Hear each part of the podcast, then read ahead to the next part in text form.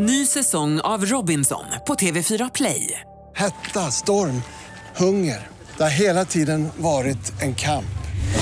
Nu är det blod och tårar. Fan händer just nu. Det. är Detta är inte okej. Robinson 2024, nu fucking kör vi! Streama söndag på TV4 Play. Radio play. En välplanerad och snabb stöt som ger miljoner i kassan och sen kan man dricka drinkar på en paradisö resten av sitt liv. Nej, så ser riktig kriminalitet inte ut. För i verkligheten faller skurkarna på eget grepp. Som fåfänga. Det var precis det som hände Sveriges första dynamitard, Axel Bernhard Nyström. En sprängare som åkte fast efter att ha skickat ett skrytbrev till Dagens Nyheter. Välkommen till Misslyckade brott. Jag heter Mattias Bergman. Känner du dig redo att åka tidsmaskin? Tack, för nu ska vi göra en resa till ett Sverige som är något helt annat än idag. Vi ska ända tillbaka i tiden till 1904. Sverige är ett land där många inte längre ser någon framtid. Bara året 1904 så tar 18 000 svenskar båten över till Amerika där de hoppas på ett bättre liv. I ett land som de inte vet någonting om. Vars språk de inte kan prata. Men ändå så börjar emigrationen att avta. För året före var det faktiskt 42 000 svenskar som gjorde samma sak. Det här är ett samhälle för och av män. Barn ska hålla tyst och lyda, annars får de stryk. Och samma sak gäller kvinnor. Det är 14 år kvar tills de får allmän och lika rösträtt. Fröken Frimans krig får vänta. Men vissa svenskar har det ganska bra ändå. Som juvelerare Karl Andersson. Han har en exklusiv butik i Stockholm där tidens stora formgivare designar smycken som bättre bemedlade kan köpa. Andersson är hovjuvelerare, han har villa på Djurgården och filialer i Göteborg och Malmö. Men natten till söndagen den 4 juni 1904 får hans butik i Stockholm ovälkommen påhälsning. För när Andersson kommer dit på morgonen efter så upptäcker han att två skyltfönster har rensats på nästan hundra smycken. Briljantarmband, guldnålar, en rosettformad brosch och annat är borta. Kvar finns bara tomma etuier. När Andersson har räknat ihop hur mycket tjuven hade fått punga ut med om han hade betalat istället för att snott de här varorna så landar summan på 85 000 kronor. Det är en enorm summa. Närmare 5 miljoner kronor i dagens penningvärde. Dessutom har tjuven stulit nära 44 000 kronor i kontanter ur en skrivbordslåda. Men det kunde faktiskt ha varit ännu värre. För veckan före så har Andersson tagit bort ett briljant diadem som är värt nära 580 000 kronor i dagens penningvärde ur skyltfönstret. Tjuven missar att juveleraren har gömt det i en låst låda under butiksdisken.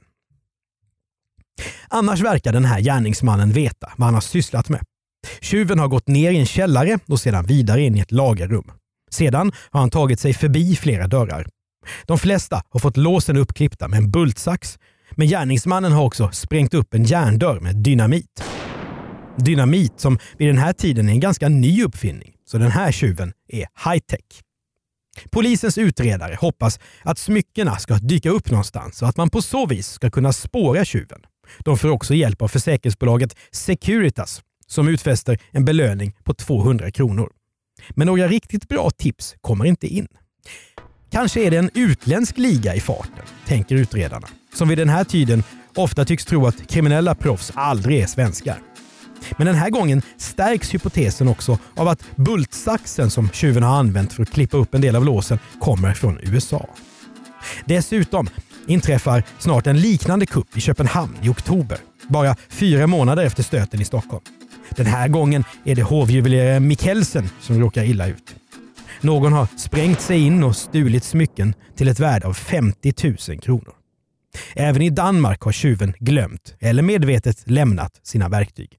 Ett engelskt stämjärn, en tysk mejsel och så borrsväng och bultsax som bägge kommer från USA.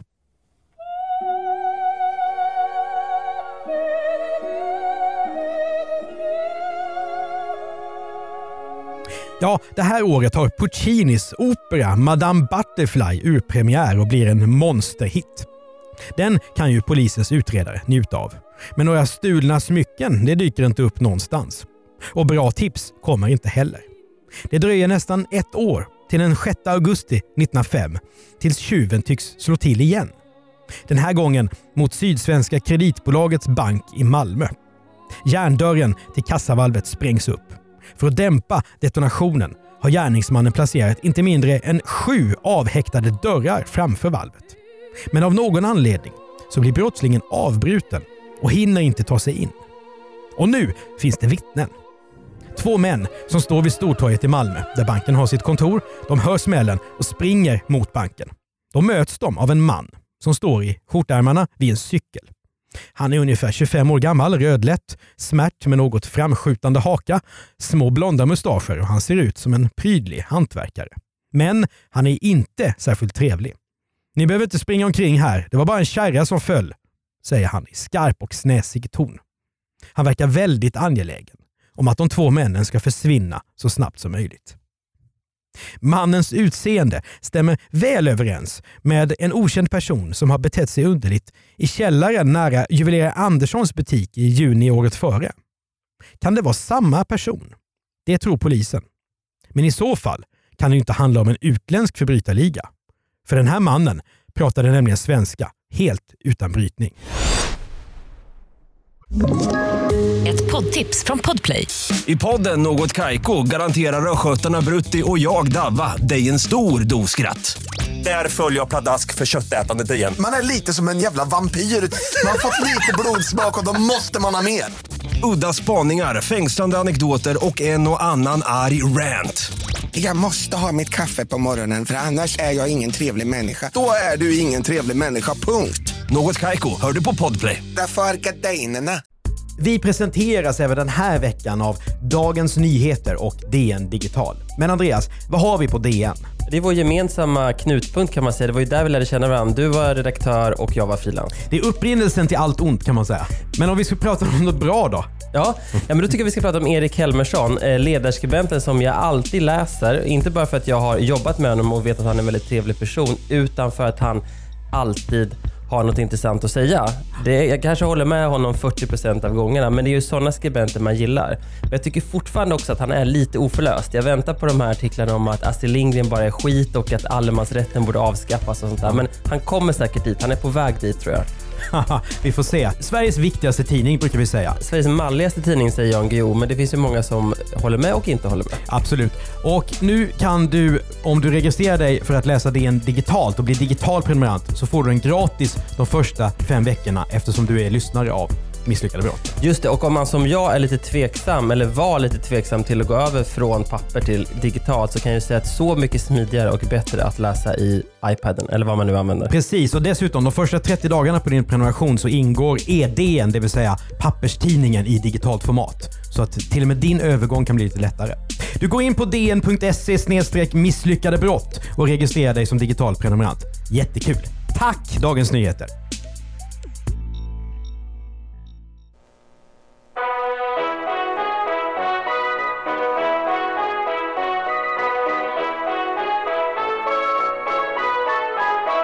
Och nu dröjer det ända till sommaren 1907 innan polisen får upp ett riktigt hett spår. Då hör gravören Hugo Andersson av sig till Stockholmspolisen och berättar att han har hittat en blåslampa och fyra bultsaxar i en kappsäck liggande i en källare på Drottninggatan. Det ser ut som att någon har lämnat dem där i väntan på att kunna göra inbrott vid senare tillfälle. Det är precis samma tillvägagångssätt som de tidigare stölderna. Finns det någon juvelerare i närheten?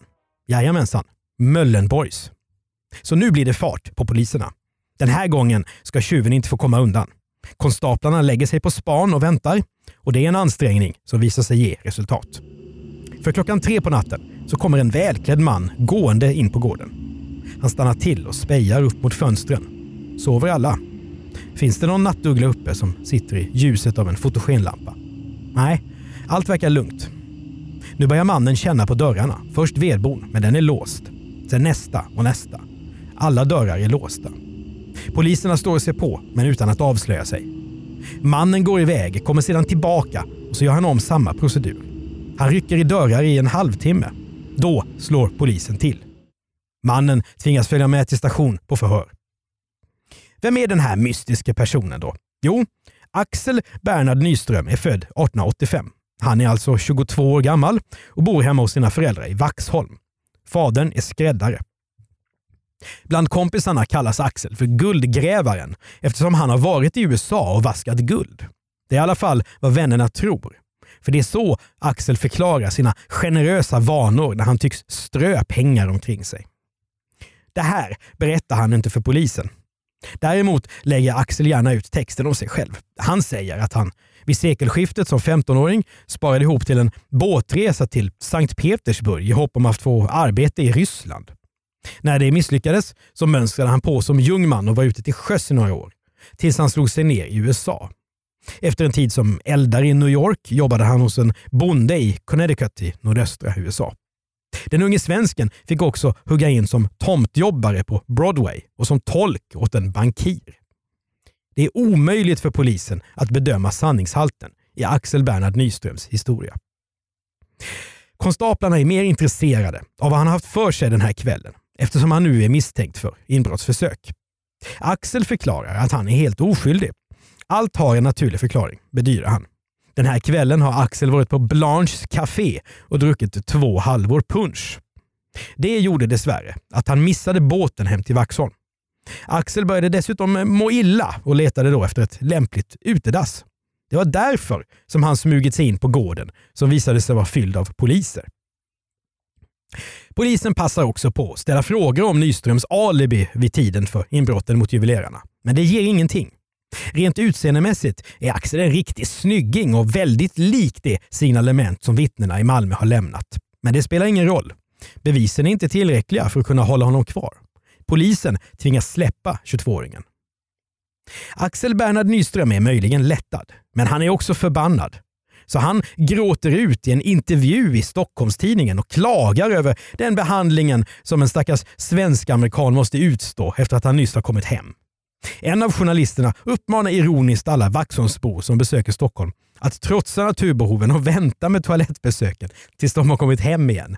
Annars kan det ju gå lika illa för dem som det gjorde för Axel Bernhard Nyström. Men polisen ger inte upp. De misstänker fortfarande att Nyström trots allt är gärningsmannen. Och de får vatten på sin kvarn när han några dagar senare anhålls i Danmark misstänkt för inbrott hos en urmakare i Malmö i december 1908. Axel nekar i sten men döms ändå till fem månaders fängelse. Men den där lilla stölden är ändå en västanfläkt jämfört med kuppen mot juveleraren i Stockholm 1904. Det stör polisen i huvudstaden att brottet inte har klarats upp.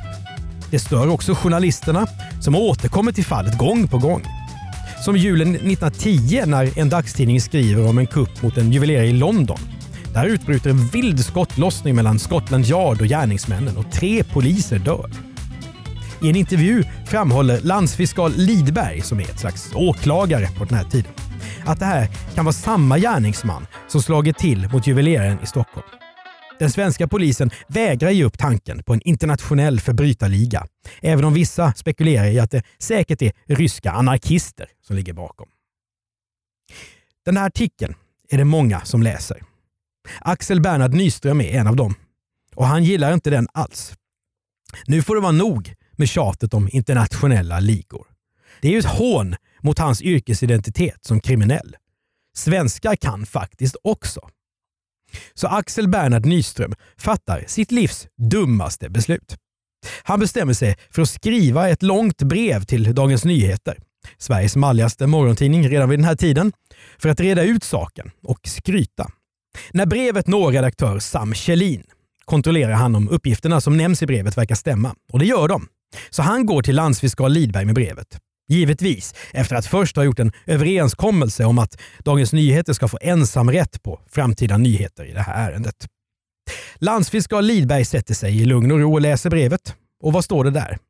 Jo, brevskrivaren vill en gång för alla slå hål på den där hypotesen om internationella tjuvar. Och enda sättet att bevisa detta, en gång för alla, det är att han berättar hur allt gick till. Så när det gäller kuppen mot juveleraren Andersson i Stockholm 1904 så står det så här i brevet. Det var tre unga män med en nyligen hemkommen svensk-amerikan som ordförande och chef för ligan. Denne, en ung man på 19 år, var i besittning av en intelligens vilken skulle vara värd ett bättre ändamål. Sedan beskriver brevet dynamitkupperna i både Stockholm och Malmö i detalj på ett sätt som bara gärningsmannen eller gärningsmännen skulle kunna känna till. I brevet står också att testsprängningar av dynamit har skett utanför Vaxholm. Så här skriver Dagens Nyheter i sitt scoop på första sidan den 15 februari 1911. De stora juvelstöldernas ledare häktad röjer sig själv i brev till DN. Till Dagens Nyheter ankom för ett par dagar sedan en skrivelse undertecknat med namnet Carl Johansson och avsedd för publicering. Författaren uppgav sig vara nära bekant med en av medlemmarna i det förbrytarband som förövat inbrottsstölden hos K. Andersson. Och han ville nu framlägga den redogörelse för juvelstölden i Stockholm som han fått av sin vän inbrottstjuven. Naturligtvis i förhoppningen om ett honorar. En av Dagens Nyheters medarbetare som fick saken om hand konfererade med hovjuvelerare Andersson och statsfiskal Lidberg och blev ganska överraskad över den sensation skrivelsen väckte på båda hållen. Sedan herr Andersson noga läst igenom avslöjandet var han på det klara med att författaren icke endast var bekant med tjuvarna utan han själv måste vara en av dem. Skildringen av lokalförhållanden var så korrekt i alla detaljer och flöt så noga samman med handlingens gång att endast en som varit själv närvarande vid stölden kunnat göra den. Dagens Nyheter skrev väldigt långa artiklar redan på den här tiden.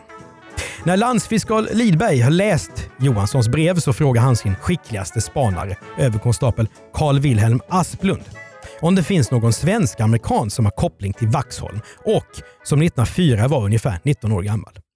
Asplund svarar genast Axel Bernhard Nyström. Så Nyström plockas in på förhör igen. Den första frågan är given. Erkänner ni att ni skrivit brevet? Axel nekar. Nej, det skulle aldrig falla mig in att skriva så mycket, svarar han. Polisen anlitar en skriftexpert som jämför brevet till DN med andra saker som Axel har skrivit. Det råder ingen tvekan om att det är träff. Men Axel Bernhard Nyström fortsätter neka. Kanske är det någon annan som har velat sätta dit honom och medvetet försökt härma hans handstil, säger han först. Det funkar ju inte, så då testar han en ny historia om att han känner ligaledaren och att den har dikterat brev som Nyström har blivit beordrad att skicka till DN. Under förhören är Axel Bernhard Nyström överlag arrogant och hånfull, även efter att det väckts åtal. Under rättegången i Stockholms rådhusrätt sitter han till en början med armarna i kors och tittar ut genom fönstret mot Riddarhustorget. Men polisen har starka bevis mot Axel. Det är inte bara brevet. Utredarna har hittat hans kassafack i New York, London och Sundsvall. Och där är det fullt av stöldgods som gröna smaragder och en blå Safir. Till slut väljer Axel att erkänna inför rätten. För att senare försöka ta tillbaka det, men det spelar egentligen ingen roll vad han säger. Den 11 juli 1911 dömer Stockholms rådhusrätt Axel Bernhard Nyström till tio års straffarbete. Det där med straffarbete, det gillar inte Axel. Så han försöker komma undan genom att så ofta som möjligt spela sjuk och tillbringar därför delar av fängelsestraffet på sjukhus. Det här irriterar myndigheterna. Så på samma sätt som när en fotbollsspelare åker på gult kort för filmning så får Axel Bernhard Nyström 32 dagars förlängt fängelsestraff. Men 1922 släpps han efter mycket om och men ut i friheten igen. Med tanke på att Axel Bernhard Nyström bara är 37 år gammal vid den här tiden och redan har tillbringat en stor del av sitt liv i fängelse så är framtidsutsikterna inte särskilt goda. Så vad händer med honom? Fortsätter han att spränga och stjäla? Nej, Axel får faktiskt ordning på sitt liv. Han flyttar till Australien och väljer att, precis som sin pappa, bli skräddare. Men han har för alltid skrivit in sig i kriminalhistorien som en misslyckad brottsling. Sveriges första dynamitard och tjuven vars fåfänga gjorde att han skrev ett skrytbrev och åkte fast. Du har hört Misslyckade brott med mig som heter Mattias Bergman. En podd som blir bok den 7 juni får du inte glömma att säga Mattias. Just det, 7 juni. Ska, kan man, eh, man kan läsa mer på misslyckadebrott.se, eller hur? Absolut, det går bra att och förbeställa boken redan nu. Där får man eh, läsa om 11 av våra favoritfall. Just det. Den ni hörde nu var Andreas Utterström som jag gör podden tillsammans med. Exekutiv producent är Jonas Lindskov. Betyg oss i iTunes och skriv gärna en recension så är det fler som hittar till podden. Om du... Sa du betyg oss? Betygsätt oss gärna i iTunes och skriv en liten recension för det hjälper fler att hitta till podden.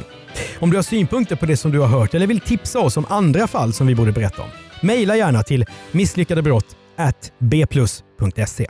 Yes. Han är ju snygg som fan. Det ser man till och med i profil. Kolla här. Ja. Det finns ju en fantastisk sån här mugshot ju. Om man bara googlar honom. Har du sett den? Alltså, Vad heter han nu? Så är det Bernhard? Den vidlyftiga polisutredningen är nu avslutad.